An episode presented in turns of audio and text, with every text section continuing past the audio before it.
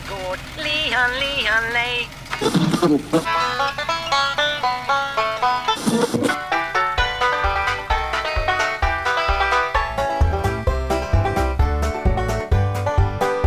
Du lyssnar på Bondepraktikan. Dagens Asterix och Obelix är precis som vanligt Rickard Axdorff och jag Per-Ola Olsson. Och, med, och när jag då refererar till Obelix och Asterix så vill jag påpeka att det är inte främst vikten utan att den galliska lilla byns konstanta vilja och förmåga att eh, stå emot invasionen och kräva sin frihet. Varför ser du chockad ut Rickard? Eh, det första är att jag slog en fluga alldeles nyss. Hördes det? Nej. Eh, Det var inte meningen. Nej, var bra. Eh, Men, då gör den där lille snubben med skägg alltså. Mm, och, du är den där stora som bär runt på stenar. Precis. Det är i och för sig rätt modernt just nu. Bära runt på sten? Ja, typ. Men jag tycker det är kul. Alltså, jag tycker det är kul att bära runt på sten. Det, alltså stora stenar, det är faktiskt kul. Vi har, ju, vi har ju ministrar som tycker om att åka runt med stora stenar på sina dieselbilar också. Mm. Fast inte nu längre. Alltså inte minister längre. Nej. Det förstås. Ja. Nej, men jag, jag, jag gillar tanken. Eh, framförallt så dricker de ju någonting när de blir starkare. Och det där jag... Trolldryck. Trolldryck, ja, jag blir jättestark när jag dricker. Ja, ja, alltså, är det med dig? Ja, alltså, jag ramlade ner i, i grytan med trolldryck när jag var liten. Ja. Så du, du behöver inte. Nej, behöver. Alltså, det finns mycket min kropp inte behöver, men som jag ger den ändå. Vill du ta några exempel? Köttfärslimpa, inte i de mängderna i alla fall. Ja, just det. Ja, eh, för den som lyssnar kan jag säga så att jag, ringde Per-Ola i veckan här och försökte prata med honom, men han, han bara stönade och stånkade. Jag frågade vad det var för fel, så han fick ur sig köttfärslimpa, sen så sa det klick. Men jag hade ätit så pass, jag hade ätit så mycket köttfärslimpa så att det liksom gjorde ont att andas. Ja, eh, nu är du skåning och alla vet ju att skåningar de, blir- de blir bara svettiga när de äter och de är svettiga hela tiden. Exakt. Nej, kanske inte hela tiden. Men det finns, det finns eh, ehm, en... ehm, nu, det här blir kortversionen, men det är i alla fall det var en, en, en skåning som fick frågan av en journalist, eh, liksom vad, man, vad, vad gör ni här i Skåne? Och bara, "Ah, vi, vi sitter mest och eder. Och journalisten försökte då få, få, få, få intervjun till att fortsätta och fråga, men vad, vad gör ni när ni inte äter då? Bara, ah, det sitter vi mest.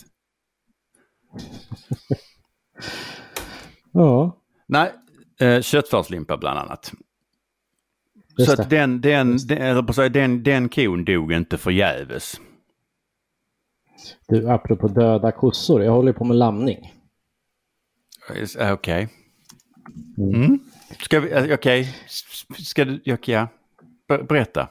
Försiktigt. Det försiktigt. Nej, men det, det har gått ganska bra ändå. Eh, nu är det tre tackor kvar tror jag som ska lamma. I övrigt så är det färdiglammat.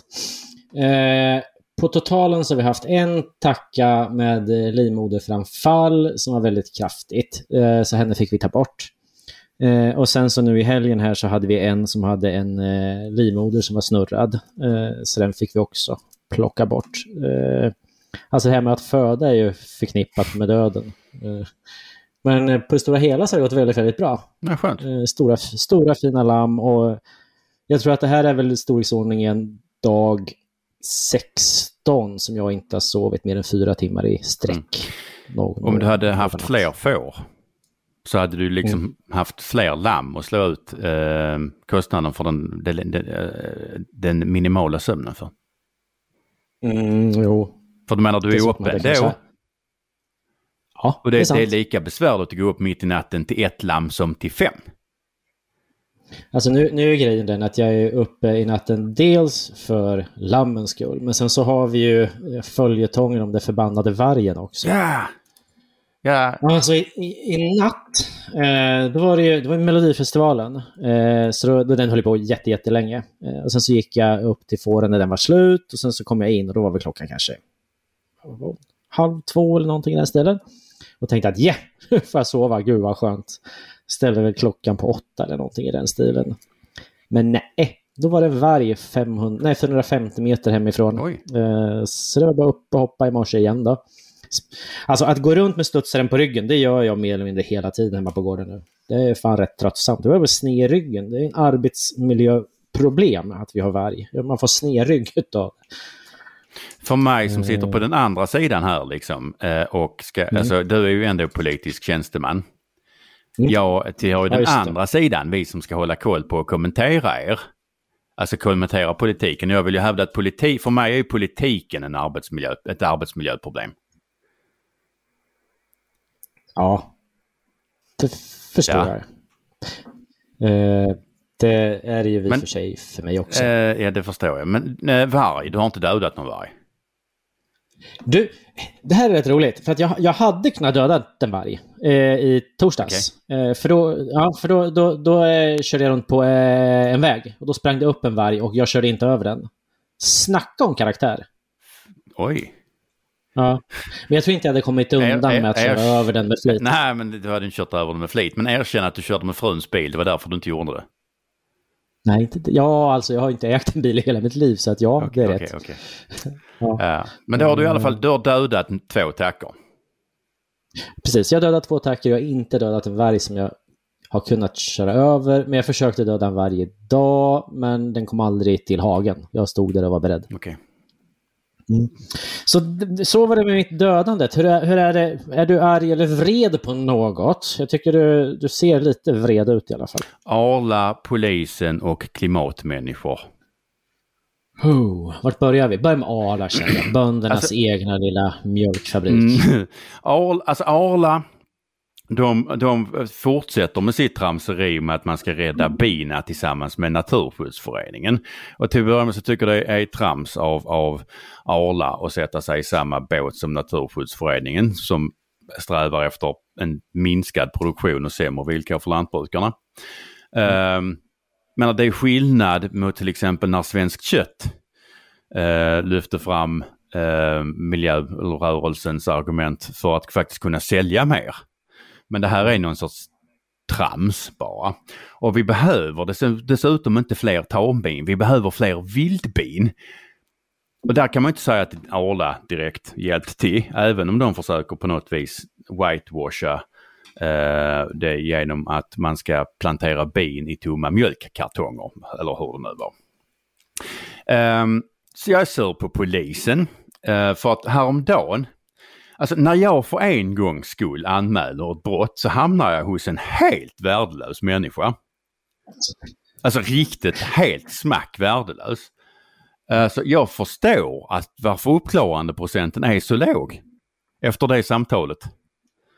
Ehm, Alltså, så att, alltså jag, är liksom, jag är även nyfiken på, på vilka andra brottsoffer som, som, som damen i fråga skrattar åt.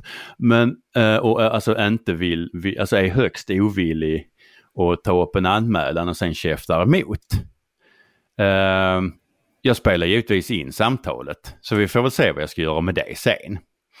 Sen är jag, Jag fattar inte, vad, hand, vad handlar det om? Jag fattar inte. Nej, nej, men jag, jag bara anmälde ett brott. Vi, vi behöver inte gå in på vad. Ja, Okej. Eh, tragedi alltihopa. Ehm, sen är jag som sagt arg på klimatmänniskor. För att nu verkar de ju prata om i termer om att världen kommer gå under och människor är oförmögna att agera. För menar, nu verkar det som att när de ställs inför någonting som de inte ens kan låtsas hantera med höga skatter så får de ju panik. Och, och menar på att, att människan håller, eller världen håller på att gå under men det gör ingenting för människan eh, eh, är så jävla ond och, och eh, agerar inte mot alla de problem. Bä, bä, bä. Men om vi tittar lite mer nyktert på saker och ting så kan vi titta på det här passhaveriet. Och de här besvären som människor tar sig för att förnya sina pass. Man bor i Stockholm och åker till Haparanda. Men alltså att människor, alltså de här besvären som människor tar sig för att förnya sina pass och för att komma ut och resa visar ju att alltså nerväxt, eller rättare sagt att den nerväxt som de här klimatmänniskorna vill ha inte funkar. Det går ju inte. Alltså menar människor vill ut och resa. Men det är ingen som menar den här, vi stannar på marken och bla bla bla bla.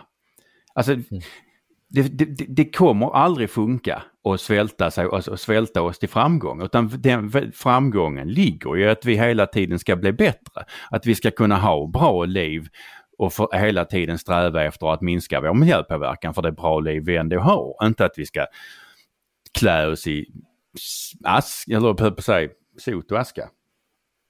Mm. Höll jag på att säga. För man, människor vill ut och resa och det ser vi, eller bland annat ut och resa. Så det, nej, det här funkar inte. Så att eh, låt människor ut och resa. Det viktiga där, det är att de inte reser till Österlen. Som vanligt alltså? De, Inga de turister på din bakgård? Alltså, de är redan här. Okej. Okay. Mm. Ja, ja, för fan. De, är liksom, de flockas ju här. Jag, jag har i och för sig fått göteborgare upp till mig. Det är inte det nästan samma sak. Och göteborgare är sämre än stockholmare. Mm.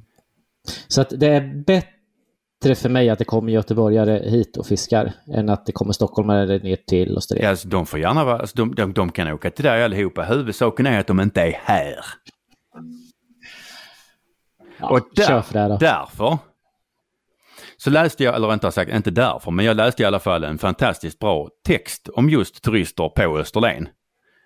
I eh, Svenska Dagbladet, förra veckan blir det. Av Ann Heberlein. Och vem är då bättre att ta med och prata om just turister på Österlen än just Ann Heberlein? Hej Ann! Hej! Hallå, hallå, vad roligt att du var med! Det är, alltså, det är vi, alltså nöjet är helt och hållet på vår sida. Tack för det. Jag, jag, jag, jag, är mer, jag är mer välkommen än turisterna så att säga. Ja, men du är ju inte turist ju. Nej, jag, anledningen till att jag skrev den här texten, jag har gått och grunnat på den här texten länge måste jag säga för att jag jag är ju då inte infödd österlening, det kan jag inte skryta med, men jag är i alla fall skåning som ni hör. Det går inte att ta miste på. Eh, men jag flyttade ut på Österlen Eh, 2001 första gången och bodde här sen då permanent i sju års tid. Och noterade då dessa liksom integrationsproblem som finns mellan inflyttade och eh, liksom, eh, vad ska vi säga, infödingar och också det som hände när turister och sommargäster kommer. Så jag befinner mig i något slags mellanläge för att nu är jag tillbaks på Österlen. Jag har bott i Borby nu sedan i februari. Eh, och jag menar, oavsett hur länge jag bor här så kommer jag aldrig bli en riktig österlening. För så är det här bara. Jag kommer aldrig riktigt bli accepterad som det. Men jag är i alla fall bofast och jag är skåning. Och den här irritationen som finns när när sommargästerna eller turisterna invaderar, den är ju påtaglig. Nu har det ju börjat för att vi har passerat påsken och påsken är ju den helg när man återvänder hit. Eh, det är påskrunda. Eh, jag har vänner som är lantbrukare som brukar skoja om att de eh, tar ut den största lantbruksmaskinen de har under konstrundan och kör runt lite för att störa trafiken. Alla de här turisterna kör alltså, runt mellan gallerier. 19 år av 20 så infaller ju vårbruket under påsken. Så du har, alltså, menar, alltså, alltså menar, du behöver inte ens ha någonting att skylla på för att du för att ge, ge dig ut med traktor och dubbelmontage för att du måste liksom. Ja. Att det men, men det, kan... det som jag tror liksom skapar mycket friktion det är att det finns någon slags idé, alltså människor som inte bor här ute har någon slags idé om Österlen som någon slags allmoge-Disneyland eller som någon slags levande, vad ska vi säga, friluftsmuseum. Och då har vi sådana fenomen som Mandelmans och Birörum eh, och vi har Karl Fredrik Ekholm. Eh, alltså människor som är någon slags livsstilsösterleningar och som då säljer idén om det goda livet på Österlen. Och ingen av dem, det kan vi notera, ingen av dem kommer härifrån. De är inte ens skåningar någon av dem. De, pratar inte, de har inte ens lärt sig prata skånska på alla de här åren de har bott här ute. Men de säljer ju liksom idén om Österlen som inte riktigt stämmer. Många av oss som bor här ute, vi är liksom eh, välutbildade, tänkande människor. Men det finns en det finns en drift, tänker jag, eller vilja hos de som kommer hit som turister att också tänka att de ska möta någon slags exotiska infödingar här i folkdräkt som eh, liksom eh, vaknar varje morgon tidigt, går ut och mjölkar korna. Den eh, ädle vilden alltså? Ja, men lite så. Ja. Så det finns en slags exotiserande över detta. Eh, som, som eh, stör mig måste jag säga.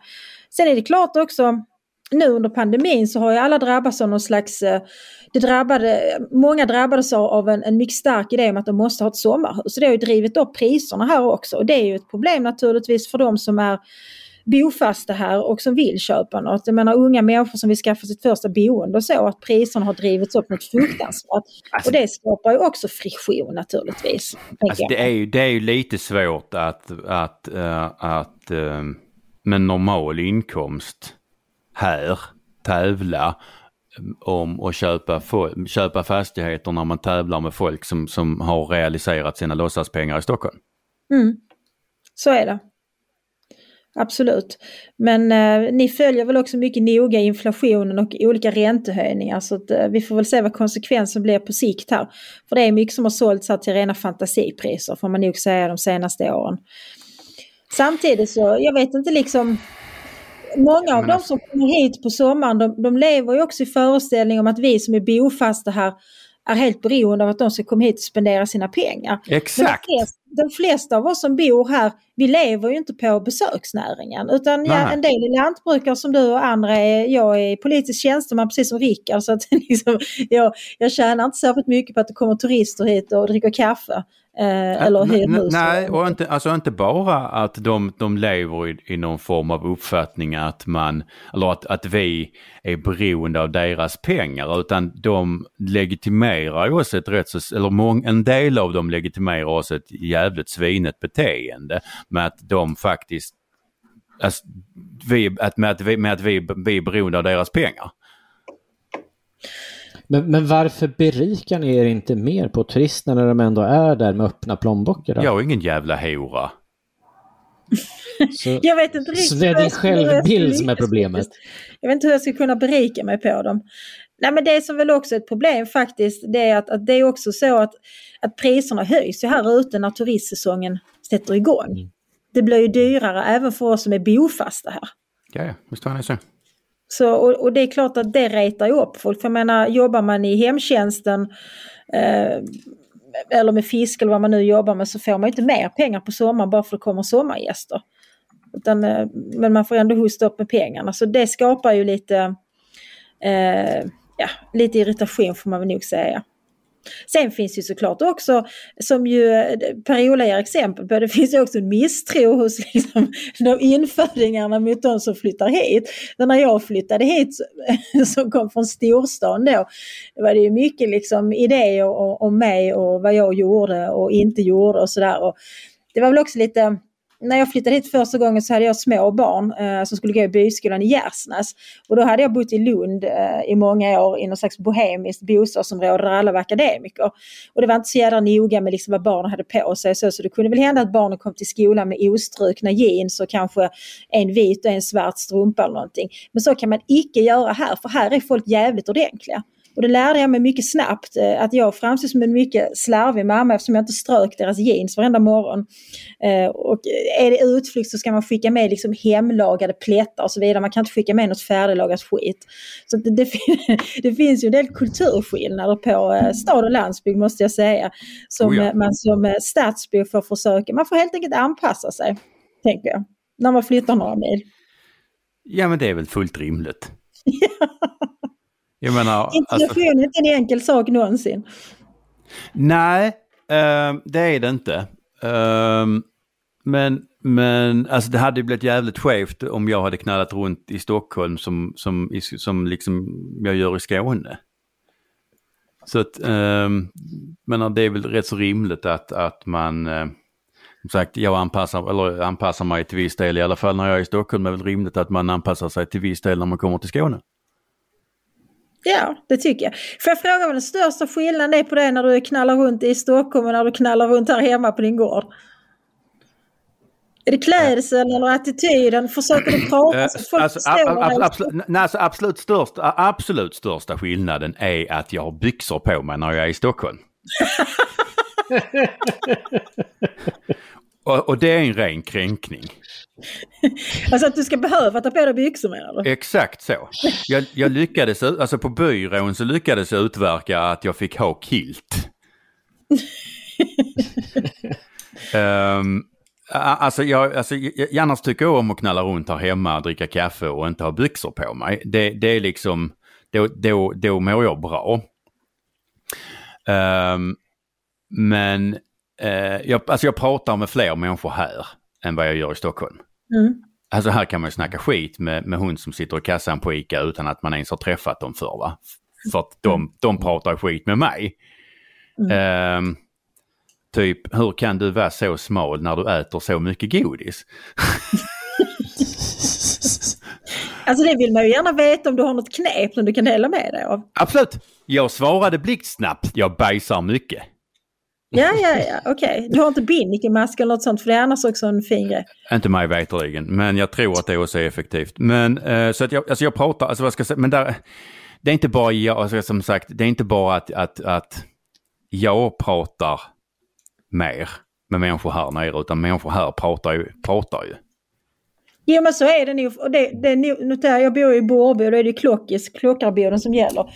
Ja, ju liksom, man, man, man kan inte ha brått när man går och handlar här. Därför kassörskan tar sig tid att prata en god stund med varje kund. Så man kan inte stå där liksom och hoppa och skutta och liksom, eh, känna att jag jävlar måste betala min mjölk här nu och sen gå hem. Utan man får ta det i den takt det går. Liksom. Och det går ofta rätt långsamt. Och det tycker jag är väldigt skönt måste jag säga. Ja.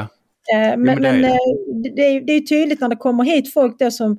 Och det är frågan är varför de har så jävla bråttom när de är på semester. Då kan de väl ta det lite lugnt. Ja, ja, men sen, alltså jag, alltså jag, jag, ja, men jag tror att, att där är nog, alltså, det, det känns som att där, alltså, där är många, många alltså, som, som, som åker till Österlen som, som eh, förmodligen skiljer sig efter semestern för att de är så jävla stirriga.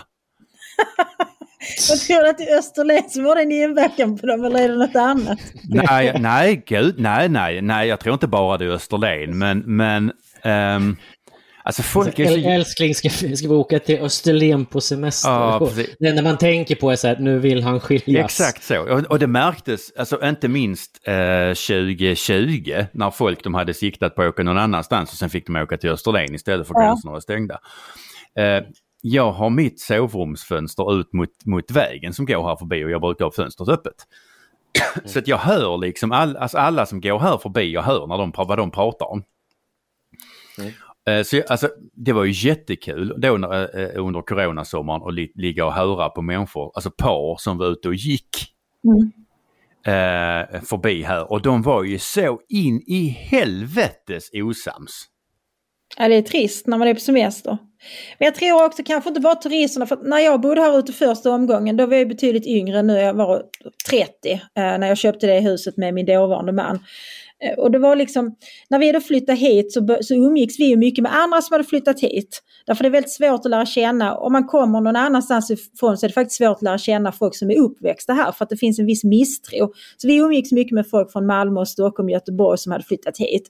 Och det var ju liksom, det var ett begrepp, det här liksom, de här, alltså att renovera sig till en skilsmässa. Därför det var väldigt många som gjorde det. De flyttade hit för att det knakade och krisade och de tänkte vi flyttar ut på landet och köper en, en jävligt nedgången gammal Skånelänga och så köper vi handsmidda spikar och renoverar på gammalt sätt. Kvesarum.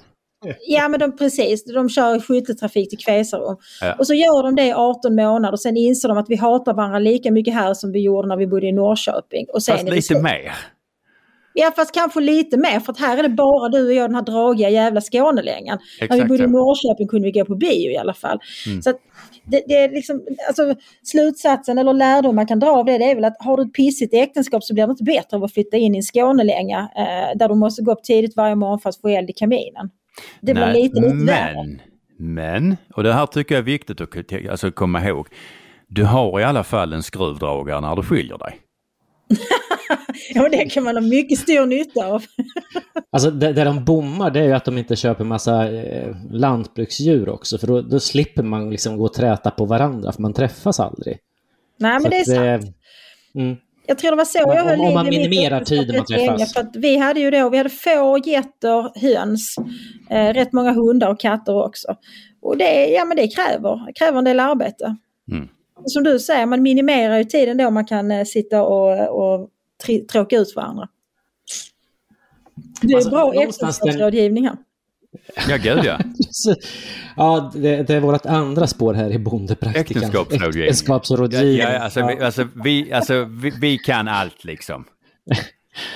Ja, eh, jag tror att min fru skulle ha synpunkter på det. Men, det. men det jag reflekterar över när jag sitter och lyssnar på er, det är ju ändå liksom att det, det vi någonstans pratar om, är, det är ju någon, någon typ av regionalisering där kanske Skåne går före med lite e-, egna regler vill vara för sig själva. Eh, men om, om, man åker tåg genom Sverige, det är först när man kommer till Skåne som man inser att Skåne är ett land i landet med alla sina egna flaggor.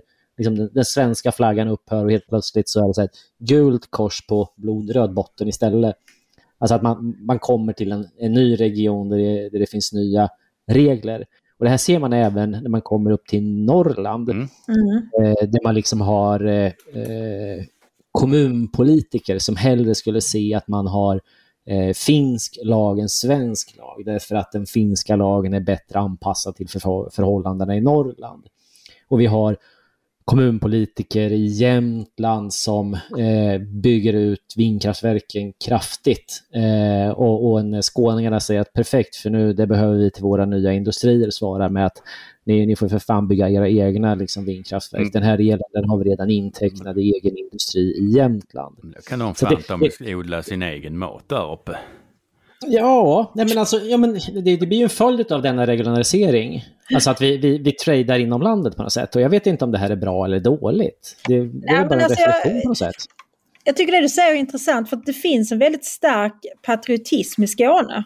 Så att skåningar odlar ju gärna bilden också av att vi, vi är inte Sverige, vi är Skåne, vi är något annat här nere. Sen så tror jag att, att Skåne har en lite olycklig förälskelse i Danmark. Därför många skåningar ser sig som minst halvdanska men jag är inte så säker på att danskarna vill ha med oss att göra. De tycker ja. att, att svenskar generellt är jävligt mesiga. Liksom. Ja, svenskar ja. Ja. Alltså jag, jag, har diskut, jag, jag, jag har förhandlat det här med danskarna redan. Liksom. Okej, okay, det är klappat och klart. I stora drag, ja. Uh, för att alltså, det, det, är liksom svenskarna de inte tycker om. Och, uh, så att uh, lejonparten av danskarna, alltså den absoluta lejonparten av danskarna jag har pratat med, de tar Malmö, eller rättare sagt de tar Skåne vilken dag som helst om vi, om vi låter Malmö, men även gärna Landskrona och Helsingborg bli svenska enklaver. Ja, jag tror du har en poäng där. Eh, för att, alltså, eh, och, och, där tycker jag det är rimligt att komma ihåg att det är ju inte skåningarna som har ställt till där utan det är svenskarna som har ställt till eh, eh både Malmö, Stockholm, eller Malmö, Malmö, Landskrona och Helsingborg. Ehm, och en ganska stor andel av danskarna som jag har pratat med, de är även inne på att göra Köpenhamn till en svensk enklav. Ja, ingen dum idé faktiskt. Nej. Eh, Köpenhamnsregionen så att säga. Så att på typiskt manligt manér här så har jag ju liksom varit lösningsorienterad. Och redan fixat saker och ting. Ja, men det är bra, då är det bara papperna som ska skrivas under. Jag har precis eh, tagit mig igenom Ulf Lundells senaste dagböcker, eh, vilket innebar inte mindre än 1400 sidor av reflektioner från eh, livet då, framförallt på Österlen. Eh, och han konstaterar någonstans i den här boken att Skåne är inte Sverige, det är ett eget land. Och det, det bygger han framförallt på eh, eh, det tungomålet då, skånskan, som han efter alla år här nere fortfarande har mycket svårt att förstå. Men han menar också att det finns en speciell attityd här. Eh, och för att det inte ska råda några missförstånd så säger Ulf Lundell skriver inte detta på något negativt sätt. Vilket gläder mig, för jag, jag blir alltid väldigt gramse på folk som klagar på min dialekt. Utan han hyser någon viss motvillig beundran då för för skåningarna men inser att eh, skåningarna är inte riktigt som han, det vill säga skåningarna är inte riktigt svenska. Och det ligger nog något i det faktiskt. Skåningarna är inte riktigt som svenskar. Alltså om vi tittar på, på vad ska vi säga, kynne, eh, utveckling, vad som är tillåtet att säga och inte, så är det ju, alltså Skåne ligger ju en 10 år för, före 15 ibland, än vad, alltså, mm. än vad man gör i Sverige. Sverige. Eh, vilket gör att, att eh, människor, till exempel jag som är alltså rör sig över, alltså över gränsen till Sverige ibland. För ibland får man ju alltså passa käften. För man har sak, alltså, saker som är fullt tillåtna att säga i, i Skåne, alltså det blir man ju alltså, lunchad för i Sverige. Men det där har vi ju även, säga, när, när jag kommer till rådhuset så är det ett helt annat typ av resonemang kontra när jag går här hemma på bondgården. Liksom. Mm. Men tänker du att Så det är liksom även en slags inom. skillnad mellan stad och landsbygd där, Rickard? Ja, men det också. Och sen så känner jag så här att jag vet, i Sverige bygger vi inga murar, men inom Sverige Nej, så så betalade har vi ju... Turkiet en massa pengar Ja. för att bygga den muren. Ja, jo visserligen, men jag, jag känner ändå så att inom Sverige så har vi ju murar på något sätt mellan landsdelar. Och, liksom, och själva konstruktionen av de här murarna, det är ju som ett slags vad vi kallar för regel eller handelsfilter. Och jag, jag tror att man, man behöver ha med sig det i, i tankegångarna för att just som Per-Ola hitta lösningar och vara lösningsorienterad. Och någonstans så blir då syftet med de här murarna, det blir då att stoppa läckage ut eh, och hindra någon slags inflöde av en massa trams. Eh, och jag tror att det är viktigt att något sätt åtminstone adressera att det möjligen skulle kunna se ut så här för att just hitta lösningar för att komma till rätta med alla dessa turister i Skåne. Ja men alltså du, du har ju ändå lite idéer kring detta Periola. Dels har du ju en bok i alla fall rent mentalt färdig. Ja. Men du har också konkret, alltså idéer om konkreta hinder har jag förstått. Ja, precis. Ja. En vägspärr. Alltså, på- alltså, där, alltså de flesta kommer ju alltså på, norrifrån. Där Ja. kommer en del körandes via E6 och sen kommer liksom alltså från andra hållet. Men lejonparten kommer ju ändå norrifrån. och när du kör igenom, alltså du kommer ju Brösarp och Brösarps backar och sen så lämnar precis i gränsen mellan Tomelilla och Simrishamns kommun, där är en järnvägsved, eller, äh, järnvägsbro. Ja, ja precis. Och där, Precis. Är, det är ju, där är ju lämpligt för det är ju redan rätt så smalt och. Exakt, där är redan smalt. Ja. Alltså, alltså men där är redan smalt. Mm. De, alltså, när de kommer norrifrån så kommer de ut ur en kurva och har, alltså, har, har nerförsbacke. Så att de kommer ingenstans. Så att sandsäckar, eh, någon form av, av stridsvagnshinder, en, alltså kaliber 50 uppe på bron och sen så, så löser man ju problemet så att säga. Så att säga för att de, de kan Efterhand inte... helt enkelt. Ja. Ja. Ehm, och jag tänker att alltså, det måste någon gång sprida sig. Att, att liksom åka inte dit. Alltså jag tror att, att eh, bostadspriserna har nog gått ner ganska drastiskt efter ett tag i alla fall. Ja, Ja, vadå då? ja, det, blivit, ja men det hade ju varit bra tänker jag. Ja. Ja, ja, alltså, jag, alltså, jag, jag, jag tycker att Det är villig att genomföra den här idén liksom. Uh, hashtag Åghim. Jag tycker du ska lägga ett medborgarförslag någonstans. Du, du, alltså, du, jag har redan försökt göra ett medborgarförslag. Eh, nämligen om att, att, eh, att för, alltså, kommunen här har ju, alltså för att eh, de är så paniskt rädda för att stöta sig med turisterna, eh, gjort så att man, man eh, eh medborgarförslag här, du behöver inte bo i kommunen. Jaha, så även icke Ja precis, vilket jävla pack som helst. får lov att lämna ett medborgarförslag. Exakt så. Så sitter man där och tittar liksom bara någon sorts jävla rullstolsramp för att folk ska kunna bada och sen så tittar man på, jaha vad fan var det? Okej, ja, du hade själv rullstol, ja men du bor inte här nej. Så att alltså, många av de förslagen som jag har suttit och tittat på och stört mig på, det har liksom varit människor som inte bor här, som har, eh, eh, vill ha någon form av, av eh, allmänt eh, finansierad satsning som ska passa dem. Typ någon jävla rullstolsramp så att de kan köra där med sin permobil. Vad är det för fel på att använda en åkgräsklippare som permobil som alla vi andra? Jag Ehm, tycker det låter farligt. Men jag tror att det du säger är nog också, liksom, det är ytterligare ett uttryck för det här, alltså den friktion som finns mellan människor som bor här och människor som kommer hit. Att många som bor här och särskilt de som är födda och uppvuxna här kan ibland uppleva att människor som kommer hit ska berätta för dem hur saker ska gå till. Och det är ju det du beskriver här egentligen, att här kommer någon Ja. som inte bor här men som har synpunkter. Eh, Jag hade ju en text i Svenska Dagbladet eh, för ett tag sedan som handlade just om synen på Österlen och så vidare. Och jag, jag fick jättemånga mejl faktiskt. Och det var inte bara från skåningar utan det var från folk i Dalarna, eh, folk på Gotland, folk på Öland som, som skrev liksom att de kände igen sig i min beskrivning och att det som retade dem allra mest det var liksom det här att de kände att sommargäster och turister kommer och klappar dem på huvudet och ska berätta för dem hur de ska ha det där de bor. Exakt. Och att de blir behandlade som om de är mindre vetande. Japp. Och det, ingen människa gillar att bli behandlad som om man är liksom eh, en svag begåvad idiot helt enkelt. Så det tänker jag ändå ett medskick till eventuella sommargäster som lyssnar på detta att eh, visa lite respekt för de människor vars bygd ni besöker. Vi är inte dumma bara för att vi bor på När ni semestrar någon annanstans än på Österlen. Ja, till exempel på Gotland. Jag har ett stickspår om det där. Shoot. Jag eh, hade en eh, granne på besök som skulle ha eh, hästgödsel. Så där står vi eh, ute i gödselstacken, han med en skottkärra och jag med en grep. Eh, typ ha, skitig, luktar svett, lite blodig.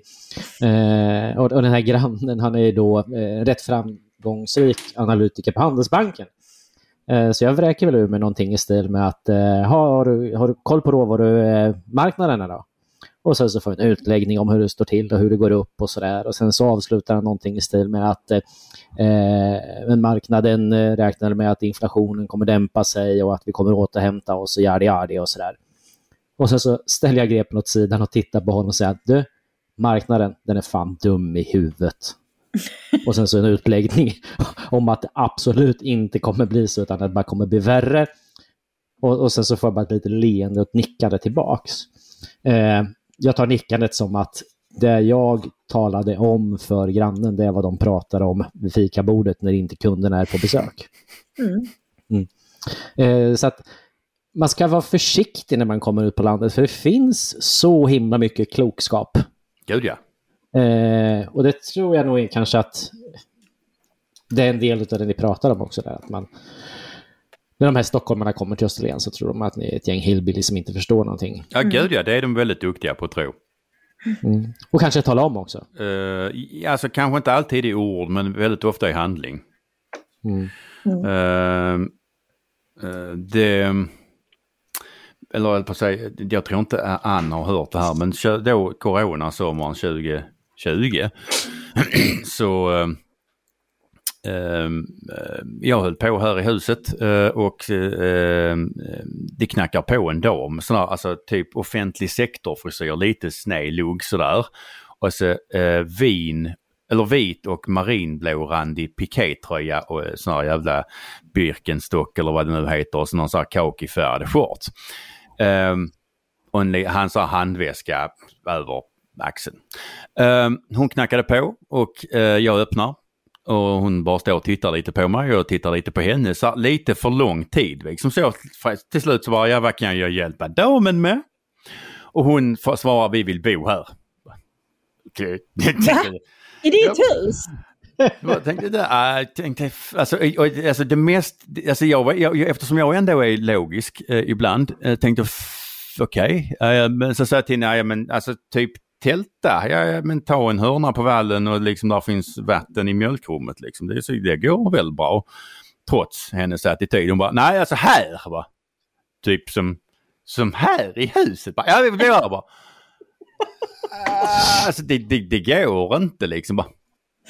För att alltså, här bor jag. Bara, Vadå? Har du inte bed and breakfast eller någonting? Bara, uh, nej, nej, det, det har jag liksom inte bara.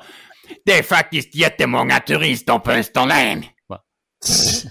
Ja, så jag säger att jag vet det, men jag ser liksom inte riktigt var, var min roll i det kommer in liksom. Eh, så att de fick inte bo här. Hennes gubbe satt i deras uh, hyrbil och, eh, och, och uh, skämdes. Eh, så att, alltså jag var tvungen att gå ut sen vid vägen och titta om det var liksom någon av mina polare som hade alltså, jävlats med mig och satt upp en skylt. Men det var det alltså inte.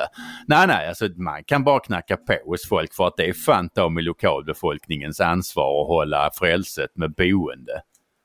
Jo, men lite sådana, eller rätt många sådana upplevelser hade jag när jag, när jag bodde. Nu bor jag ju som sagt inne i Borby. Eh, men, men tidigare bodde jag då väldigt pittoreskt, väldigt nära Glimmingehus. Och vid Glimmingehus är det ju stora turistströmmar på sommaren. Så då hände det ju varje sommar att någon bara stegade rakt in i, i huset. En gång så var det jag satt och pratade i telefon och blev helt paff när jag liksom upptäckte att plötsligt så står det två personer i köket och tar vatten. Tänkte var fan kom de ifrån? Och då var det två tyskar som bara så, allemansrätten tyckte de. Ja men alltså liksom, mitt kök ingår inte i allemansrätten. Eller folk som kampade, campade, det var faktiskt också ofta tyskar som campade i fårhagen och det är inte heller riktigt inom gränserna för allemansrätten kan jag tycka. Så eh, ja, sånt kan också skapa lite ont blod kan man väl säga. Nähä! Man ska, jag tror man ska beakta folks gränser. Eller sådana historier jag har hört som en, en bekant till mig som bor på sin familjegård som de har haft i generationer. När det plötsligt kom det en liten variant på din historia där Per-Ola. Det kom ett par som helt frankt sa att vi vill gärna köpa den här gården och så sa min bekant, ja men den är inte till salu. Ja, jo, allting är väl till salu till rätt pris. Och det, det var liksom också, det är en viss oförskämdhet i det. Faktiskt. Mm. Hur är det hos dig i Närke, Rickard? Har du turister men- som eh, kommer och knackar på? Jo, nej men, jo, det har jag väl för sig. Kanske inte knacka på. Eh, men men det, det finns en skillnad vad det gäller turister i Skåne och i Närke. Och det är kanske att skåningar inte behöver berika sig på turisterna. Medan man i andra delar av Sverige faktiskt behöver berika sig på turisterna. Ja fast det tror jag att, men det är klart att det finns en besöksnäring här och så vidare som, som är beroende av de här månaderna. Men det jag skulle önska det är ju såklart att fler människor bor här året runt. Därför jag vill ju gärna att de här restaurangerna och kaféerna är öppna även på vinterhalvåret. Och det tycker jag faktiskt är en, jag vet inte hur ni upplever det, men jag upplever att maktbalansen mellan stad och landsbygd har förskjutits lite under coronan. Därför att nu när man, människor faktiskt kan jobba hemifrån så behöver man behöver inte åka in till storstan för att försörja sig. Man kan sitta hemma om man har ett sånt jobb som jag har och sköta det hemifrån vid sin dator. Det betyder att det är, det är folk i byn liksom även på vardag, även på vintern och då finns det utrymme för en restaurang, ett café därför det är folk som går dit. Liksom. Precis på samma sätt som när man, man går ut och äter lunch i stan. Och jag tror också att vi får väl ändå säga att vi befinner oss i något av en livsmedelskris nu med liksom skenande priser och högre kostnader för lantbrukare och så. Har människor börjat fatta också att staden behöver faktiskt landsbygden. Det är inte bara så liksom att landsbygden behöver staden utan staden är i mycket högre utsträckning beroende av landsbygden. Och jag tror att insikten börjar nu sjunka in att staden faktiskt behöver landsbygden mer än vice versa. Ja, det brukar komma en hel del familjer hit och, och precis, speciellt när det liksom är lamningar och, och grisningar och sådär och, och det är sött och gulligt. Och eh, i år så är det betydligt fler som inte bara klappar på fåren och tycker att de är gulliga utan frågar när, när ska de slaktas så finns det kött att köpa och så vidare. Så det finns helt klart en, en större medvetenhet Mm kring att eh, vi, vi, eh, ljuset i tunneln är väldigt långt bort. Eh, Ja. och, och vi, ja, men vi ser ju liksom så här, stockholmare på Östermalm som, som anser att nu är kycklingpriset nu är det så här 100 kronor för en kyckling. Vart är det här på väg? Så att, eh, i, i, I hela landet skulle jag nog säga. Det är väl bra. Det finns det kanske äntligen pengar för att ha ihjäl dem ordentligt. Kycklingarna Kycklingarna.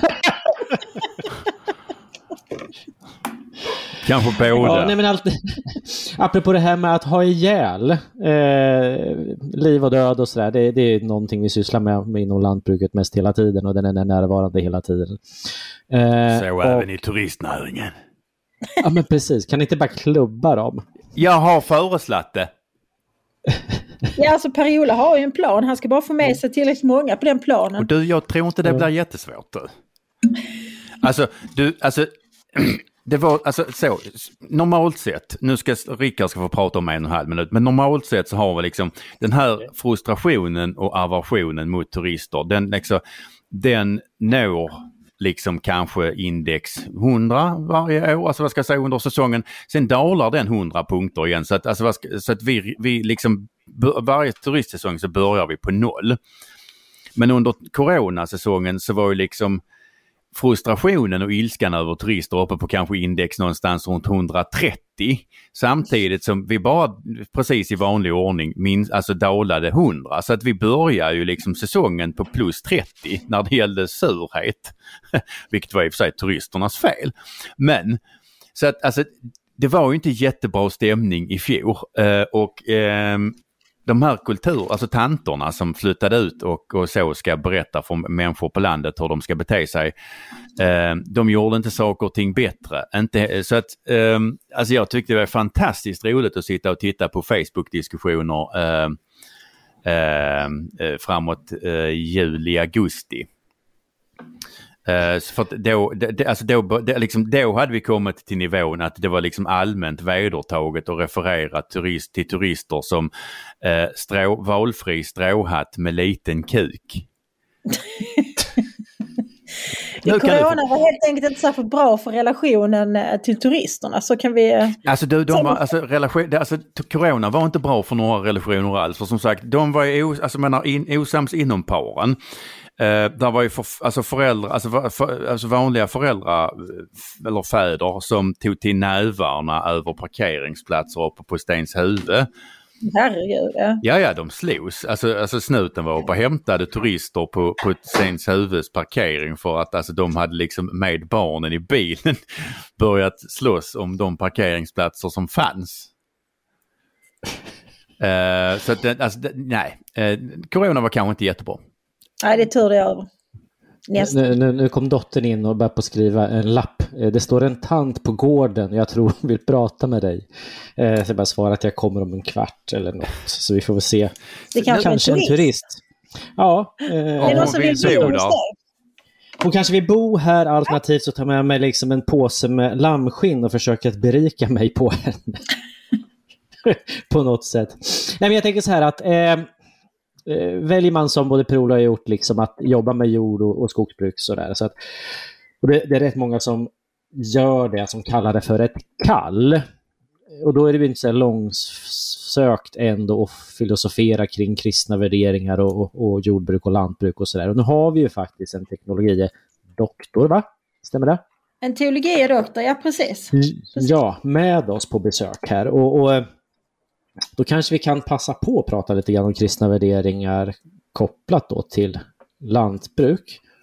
Eh, och vi vet ju alla liksom att Herrens fred är inte att leka med och bilden av bönder just nu är väl, eller har varit i alla fall, att vi, vi på något sätt utsätter skapelsen för lidande och dödar den och sådär. Så att min första fråga är väl, kommer Prola och jag hamna i helvetet för att vi dödar skapelsen?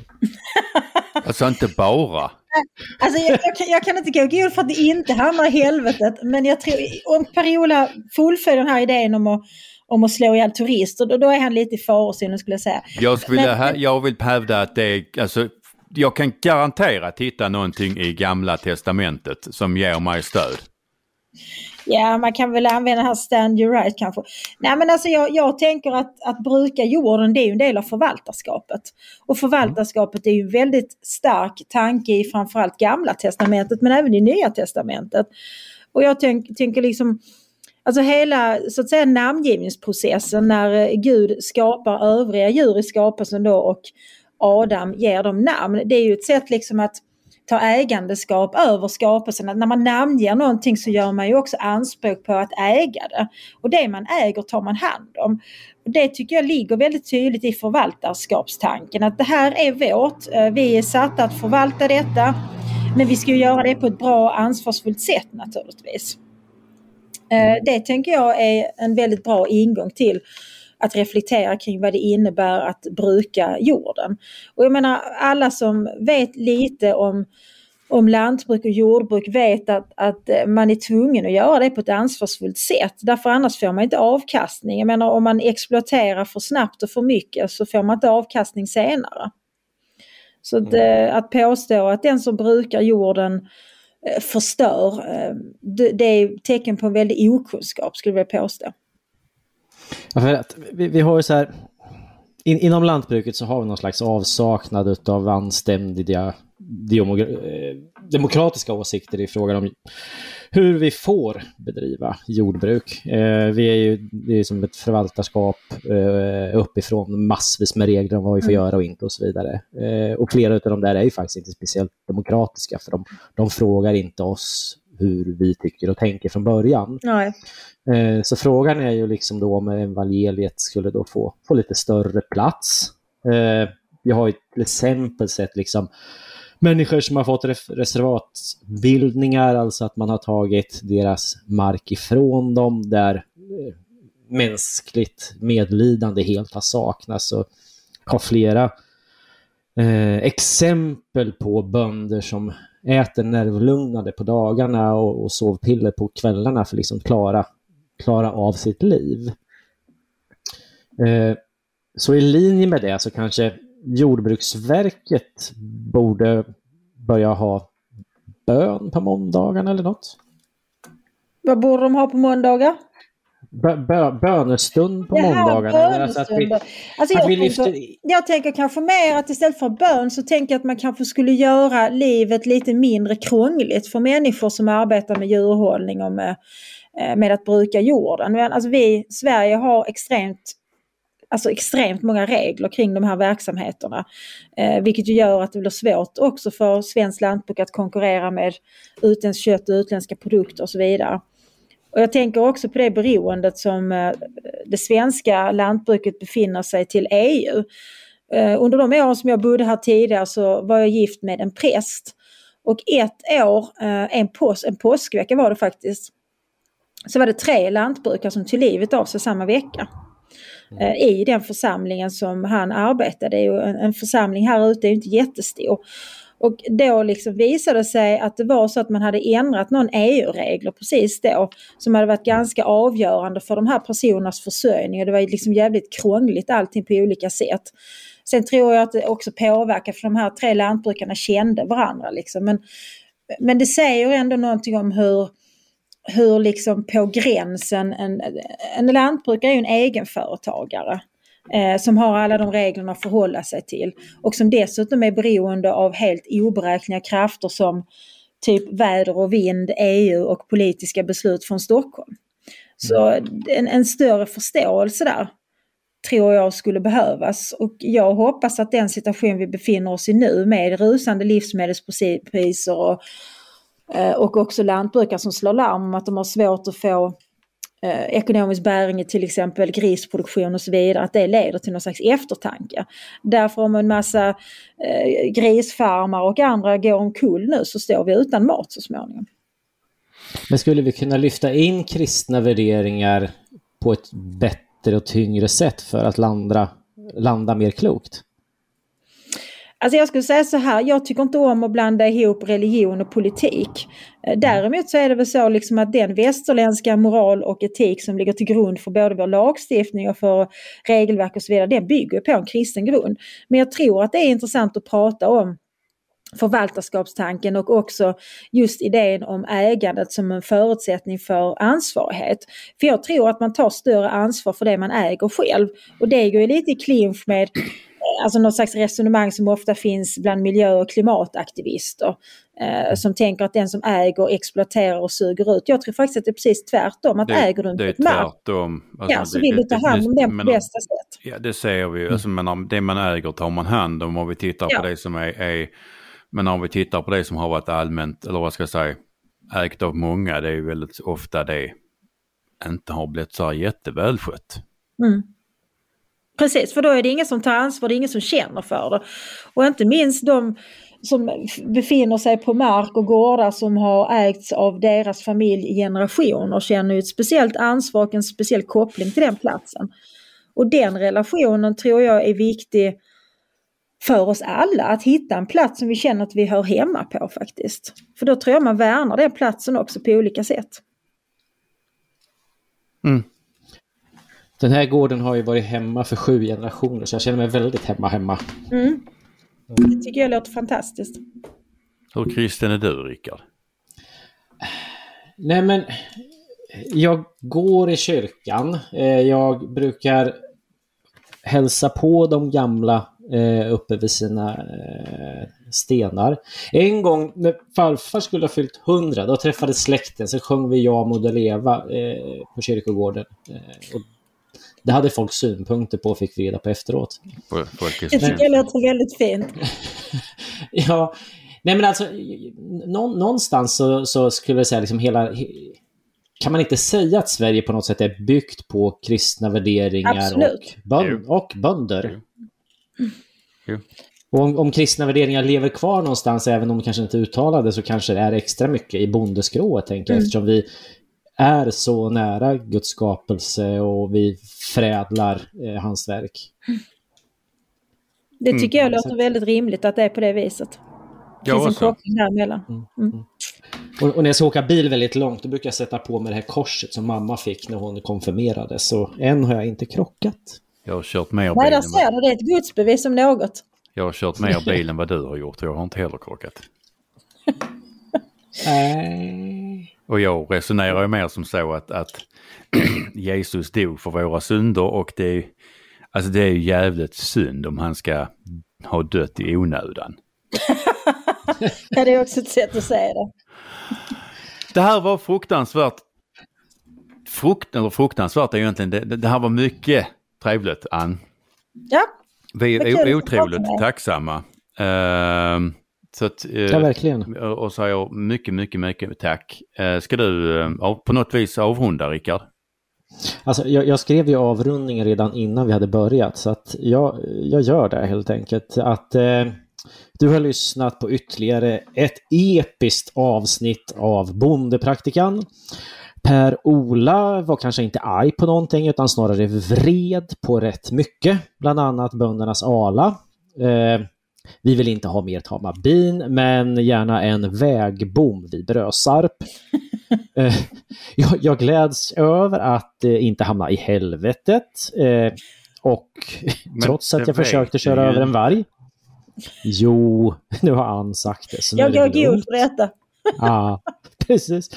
Eh, och gemensamt är då vi naturligtvis tacksamma för att Ann har varit här på besök på Bondepraktikan och hjälpt oss att förstå eh, turismen och vedermödorna runt omkring den med mera. Eh, vill samtidigt uppmana så här avslutningsvis samtliga våra lyssnare till att skicka in medborgarförslag till Simmerhamns kommun oavsett vart ni bor. Ni har hört på Bondepraktikan, Per-Ola Olsson och Rickard Axdorff tackar för oss. Tack! Tjingeling! Hej.